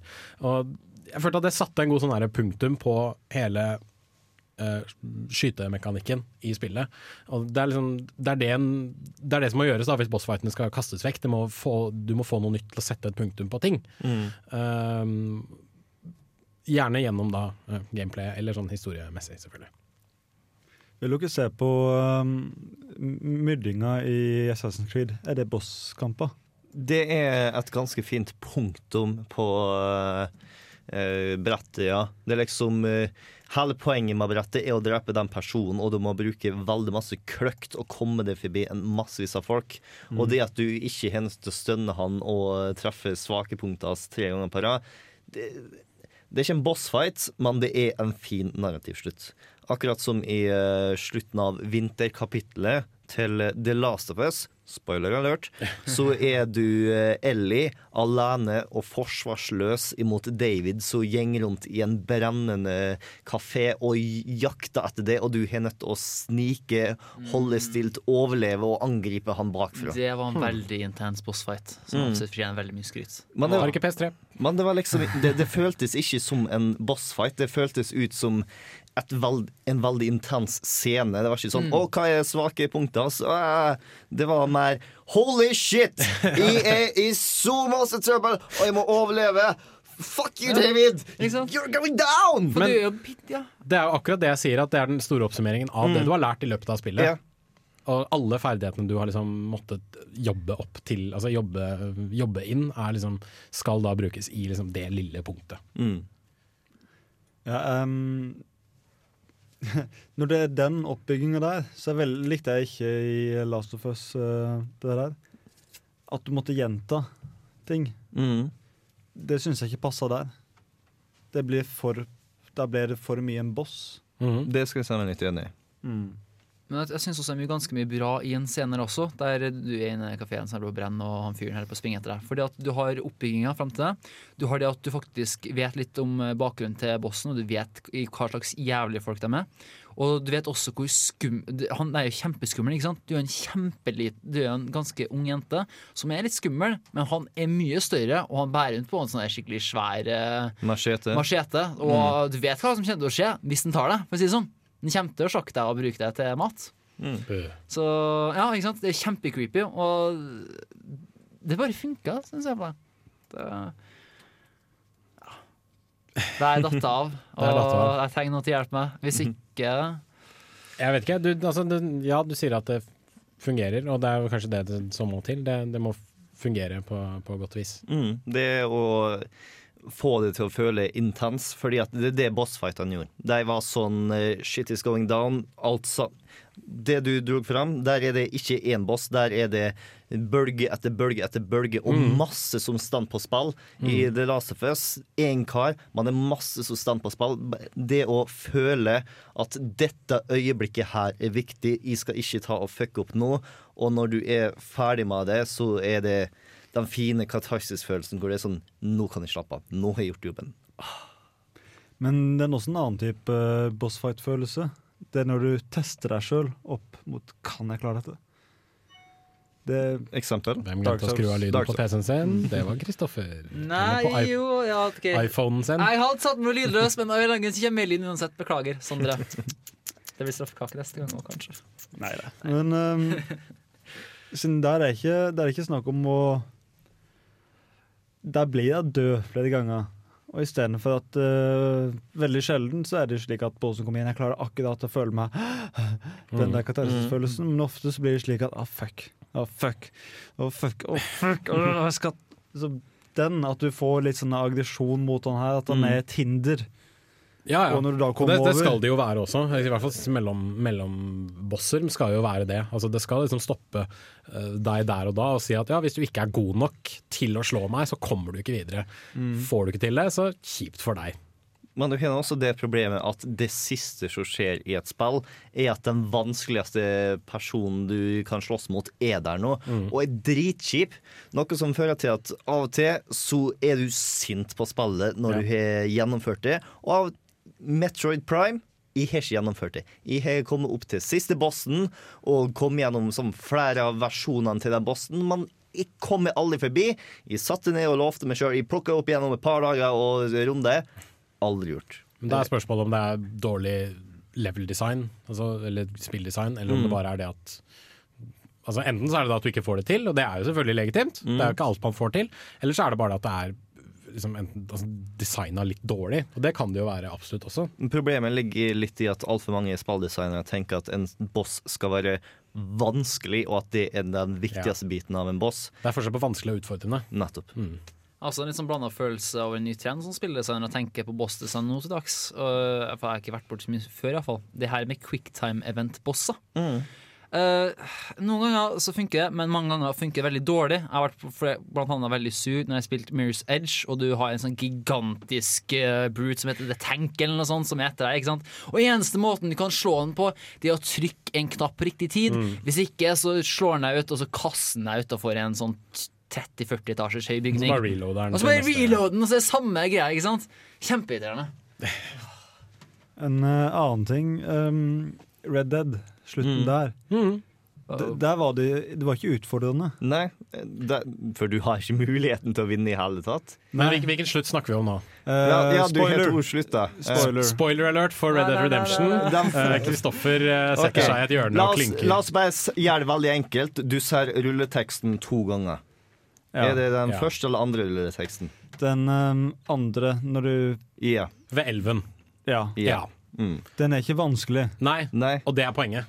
Og jeg hadde lyst til å gå på en killing spree og finne familien til alle de der. Mm. But det var ikke noe mulighet for. Jeg Men- skulle slakte hele amerikanske system. Ja, men det er også litt av poenget. Det at uh, John Det- Marston har blitt knust av systemet, og alt sønnen kan gjøre, er egentlig bare å ta livet av en gammel mann mens han sitter og fisker. Eh, og de gjør det liksom ærefullt ved at det er en duell, men det, altså hev, hevden, gjør, hevden gir han ikke noen glede på noe som helst vis. Eh, og han, altså faren hans er fortsatt stempla som en forræder og som en morder og eh, alle de greiene der. Og det, Ja, det det- tror jeg er liksom hele poenget med spillet. Da. Ja. Nei, men uh, da fikk jeg fikk på en måte ikke det forklart godt nok hvorfor jeg ikke kunne ta og drive Her hadde jeg tatt og slakta ned halvparten av Vestens Mm. befolkning. Hvorfor kunne jeg ikke ta resten av Amerika? Det, det er sant. Du kan slutte nå. Yes. For, for nå skal Jens Erik ta og introdusere den andre låten han har tatt med seg i dag. Ja, det er vel egentlig den tredje, ja, andre, ja, andre av tre. Uh, fordi vi snakka om som favorittbosser, og jeg vet, ikke om det, er- jeg vet ikke om det er en favoritt, men det er kanskje Eller jo, det er én favoritt av mange. Det er en veldig minneverdig boss. Ja, Uh, fordi uh, dette fantastiske Nintendo 64-spillet Conquered Bad Fur Day kom da jeg var ca. 12 eller noe sånt nå. Høres riktig ut. 12-13 år. Det er vel fra sånn starten av 2000-tallet en eller annen gang. Og eh, der var det jo en viss type humor jeg syntes var morsom. eh, selvfølgelig, og Conquers Bad Fur Day kilte det humorbeinet ganske liksom radig rett ut. da. Eh, det var mye sånn bannskap og litt sånn eh, morsomme pulevitser og litt sånne ting. Og alt topper seg litt da når du er på det som heter Pooh Mountain. Som er akkurat det det høres som. Eh, rett og slett et fjell av avføring. Og inne i Pooh Mountain, hva møter du der? Jo, selvfølgelig, der møter du The Great Mighty Pooh. En eh, enorm haug med avføring som stiger opp fra avgrunnen under deg. Og eh, selvfølgelig, fordi dette er et merkelig, merkelig humorspill, så begynner han etter hvert å synge. Eh, Men ikke bare det, han begynner å synge opera. Og eh, ja, det høres sånn cirka sånn her ut. I am the great mighty Pooh, and I'm going to throw my shit at you. Oh, I'm going! Oh, ah,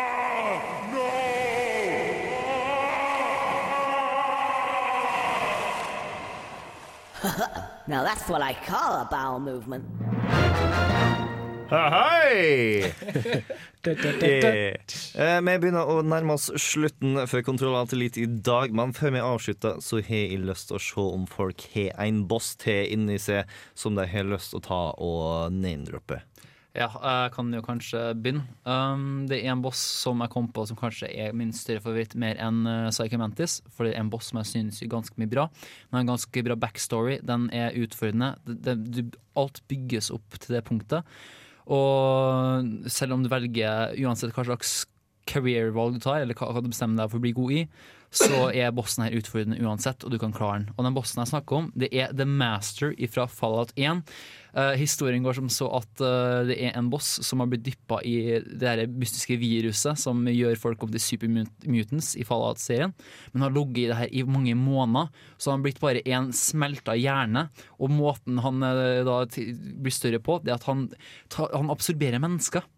Ew. Og så er han også tilkobla en annen datamaskin. Og så til slutt så er han bare kobla til en sånn skikkelig stor turret, og han har hele rommet han er i, er bare bygd opp av menneskene han har absorbert. Og måten han snakker på, det at han bruker stemmene, eller, ja, stemmene til menneskene han har absorbert. Og det, blir da, det er noe datagenerering og sånt som skjer, og da får du høre det her. So what shall it be? Do you join the Unity, or do you die here? Join. Die! Join. Die! Og når du var sånn 15-16 år gammel med meg og hørte det her, seriøst selv om det er et spill fra sånn 1999 eller noe sånt, jeg var drittredd. Det synes jeg er råskummel. Og jeg var en av de folkene som bestemte meg for å liksom skulle snike meg rundt og sånn. Og jeg, det her var en boss, du kunne faktisk snakke deg rundt. Du måtte eh, nok ha masse bevis og sånn som fikk en til å bli skikkelig deprimert og skjønne at hans oppdrag om å gjøre alle sammen til supermutants er et oppdrag som til å feile. Fordi at det er, Supermutants er steril. Eh, etter det her da så er det først at du faktisk kan komme deg ut, og du må snike deg forbi masse store supermutants og sånn. Og det, det er bare en bossfight som funker kjempebra. Skummel karakter, uh, utfordrende uansett hva du velger, og ja, en karakter som har funker kjempebra og legger til så mye i Fallout 1. Fett. Uh, jeg har to, hvis jeg får lov til å bruke tida på det. Én er en som er skikkelig dritt, og én er en som er ganske kul. Eh, jeg begynner med en som er skikkelig dritt. Det er nemlig The Imprisoned i Legend of Zelda Skyward Sword. Ja. Som du ennå ikke har spilt, Bård. Det må du get What? on that shit and do it. Det er jo origin storyen til Ja, Zelda. nettopp, Det er jo liksom setter opp opptatt med link between worlds nå! Du kan ja! Men The Imprisoned er en sånn svær ondskap-ting som kommer opp av bakken. Uh, første gang du slåss mot den, så er det en slags uh, uh, ormesak, og du må Mm. slå tærne dens med sverdet ditt for at den skal falle ned. Og så må du slå en sånn herre er sånn um, uh, ja, eh, hva kan man kalle det egentlig? Sånn, sånn, sånn totempelaktig ting. Så du må Mm. slå inn i hodet på han for å forsegle han på nytt igjen. Uh, andre gang du møter han, så har han fått armer.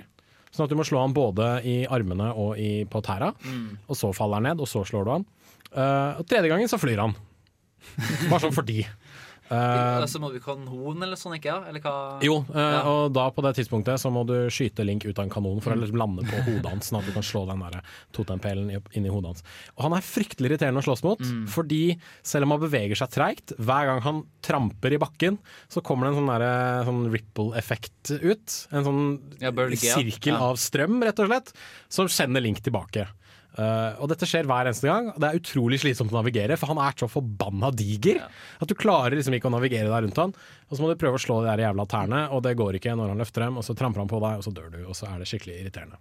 Det verste er jo at banen er satt opp i en sånn slags spiral. ikke sant? Så Mm. når den kommer seg til toppen, så har du tapt, for da tar den jo over uh, Temple of Time. og alt. Mm. Men det som er så irriterende, det er det jeg nevner, når han tramper og du får en ripple-effekten, så blir du kanskje kasta ned et par steg Ja. nedover, og da må du enten løpe opp hele spiralen igjen, Mm. eller du kan aktivere sånne her vindhull som kaster deg opp, men det hjelper ikke så mye, der. heller. Det er bare rar level design, egentlig. Det er fryktelig fryktelig irriterende.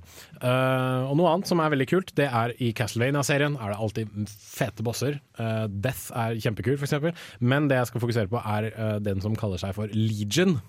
For de som kjenner sin bibelhistorie, We Are Legion for Inside Are Many. En mann som ble besatt av sånn 30 demoner eller et annet sånt. Og Legion er bare Når du møter Legion første gang, er det en svær klump. En svær sånn sirkel av bare masse kropper som bare liksom henger, henger sammen i en svær sirkel, en svær kule. Og for hver gang du slår den, så faller det noen kropper av. Som da kommer til live og begynner å gå etter deg. Og så, har den da liksom, så viser det at den er, liksom, den er delt i kvadrater. Da. Og når du da klarer å slå vekk alle kroppene, så er det en sånn pulserende kjerne inni, og en sånn der tentakkeldrit som kommer ut og prøver å spise deg. Det er skikkelig skikkelig ekkelt. Det er helt jævlig, fordi du må først da liksom hakke vekk de der, det skallet, og så kommer jo da de mot han, og da må du prøve å drepe de også. Og så da kommer de der eh, tingene som er inni. Det er sykt ekkelt, men det er utrolig morsomt å spille også. Anbefales. Sondre? Jeg vil gi en eh, hederlig mention til eh, alle Borderlands på sånn. Mm. De er kanskje ikke så forskjellige i spillestil, og veldig mange av dem er ganske like. Men det er den karakteren de har, f.eks. Handsome Jack, og veldig mange av dem snakker du jo med før. Og du bare finner ut at enten har de, er det personer som bare er helt virkelighetsforvrengt, eller så er det bare personer som er tools for andre personer. Ja, for Handsome Jack er blant annet en av bossene som du faktisk nyter å drepe for at de er så sinnssykt irriterende, og du kjente bare haten så mye mens du spiller Borderlands 2. Men samtidig så får du så mye informasjon om at han gjør bare det han tror er riktig. Mm, det òg, men uh, jeg ble bare sur på han. Det er noe med de du virkelig liksom, som, er, som du føler at det er deilig å slå. Liksom mm. du har vært en drittsekk mot meg hele tiden, nå skal jeg endelig plassere en kule mellom øya dine og liksom sette deg ut av spill for siste gang. Det er noe, det er noe ved det også. Liksom, Mm. Få deg til å virkelig hate en fyr og tenke at faen heller, det her det skal bli bra. Og så sette, sette kula i panna på han. Mm. Nei, den bossen jeg har spart litt på, er en boss som jeg tror kanskje det er svært få i verden som har et nære forhold til enn jeg. Og det er King Bomb Bomb fra Super Mario 64. Ah, ja, ja, ja. Det er den aller første bossen du møter. Og eh, jeg har fortalt denne historien på kontroll litt før, men det var jeg tror, sånn snart to år siden, så jeg syns det er greit å fortelle den på nytt. Og jeg var hva, ti år eller noe sånt som er nå, kanskje sju òg til meg, med, da jeg spilte eh, Super Mario 64 for første gang. Eh, Jeg har nettopp fått maskiner, og jeg, jeg spilte ikke som et spill. Det var mer som en gigantisk lekeplass. Jeg bare Mm. hoppa rundt og var Mario, og så helt på toppen av fjellet så var det en stor bombe med en hyggelig bart på krona. Så drar jeg opp dit nå, og så prøver jeg å kaste han utafor. Og han bare kommer flygende tilbake, og så kaster han meg utafor. Og bare sånn, Ha, det er leken vår. og så eh, Ja, ja. Altså, Jeg tror jeg vet hvor dette går. og så etter en sånn uke så finner jeg ut at dersom du tar og kaster han på ræva først ned på bakken, så får han vondt. Noe som var helt idiotisk i hodene mine, siden det å kaste den 100 meter ned er verre enn å kaste den 1 meter ned. Men hei, hva så? I hvert fall, jeg tar og kaster han eh, tre ganger på bakken. Han sier et eller annet på engelsk som jeg ikke kan forstå, og så eksploderer han og blir en stjerne. Altså, wow! Det var kult! Jeg har lyst til å gjøre det en gang til. Jeg hopper inn i bildet. Spreng opp til eh, toppen av eh, fjellet, og der er han ikke. Han var død I haugene mine så har jeg for første gang i livet mitt drept noen. Og jeg har ikke lyst til å spille Super Mario på sånn evigheter. Never, fordi at- never mind de hundretalls Goombaene du sikkert Jo, har men de hoppet på. kom tilbake. De Ja, kom det er sant. tilbake hele tida. Ikke. King Bom Bom. Han var borte for alltid. Jeg skjønner godt, da, for det var jo et flagg der også, ikke sant? som Mm. egentlig skulle reise til. Så I see the symbolism. Du vet du kan få han til å leve igjen. Jo, jo. Men Nei, da ja, ja, ja. da har han en eh, sånn grå, gjennomsiktig stjerne inni. Jeg har tatt sjela ifra King Bom. Han ble aldri sammen igjen. And that explains everything! And on that note så tenker vi å avslutte Kontroll alltid litt. Eh, neste uke så er det Hallgeir som skal være programleder. Forhåpentligvis. Ikke, Hanna skulle egentlig være programleder i dag, så vi får håpe at Halger Hallgeir er litt bedre på det. Jeg, jeg tror ikke han er, skal ha noe jobbintervju. Anywho, men temaet han skal ha, er humor i spill. Da snakker vi Monkey Island, vi snakker gammel LucasArts-spill, vi snakker Portal, vi snakker Borderlands, vi snakker Ace Attorney. Og alt som har fått oss til å le og trekke på smilebåndet mens vi har hatt en kontroller i hendene våre. Eh, Fett. yes. Navnet mitt har vært Bård. Jeg har hatt meg med Sondre, Kristoffer og Jens Erik. Og vi skal avslutte med hvilken låt? Uh, Don't Wait Until Night fra Castlevania Aria of Sorrow uh, av eh, Michiru Yamane. Som er når du slåss mot Julius Belmont, uh, den eneste mannen som har faktisk klart å ta livet, sånn punktum finale, av Dracula i Castlevania-serien. Og det er også en ganske fet bossfight. Mm. Kjør på.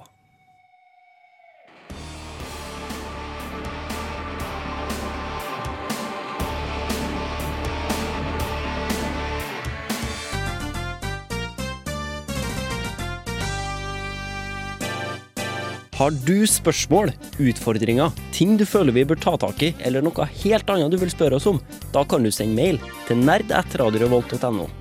Ønsker du heller å tweete oss, kan du finne oss på Twitter, hvor vi heter rr-spill. Du finner oss også så klart på Facebook. Radio Revolt presenterer Kontroll Alt Elite. Der legger vi ut nyhetsoppdateringer, konkurranser og så klart masse enkel nerdehumor. Det var altså e-mail nerd.radiorevolt.no, Twitter rr-spill og Facebook Radio Revolt presenterer Kontroll Alt Elite. Vi høres neste onsdag.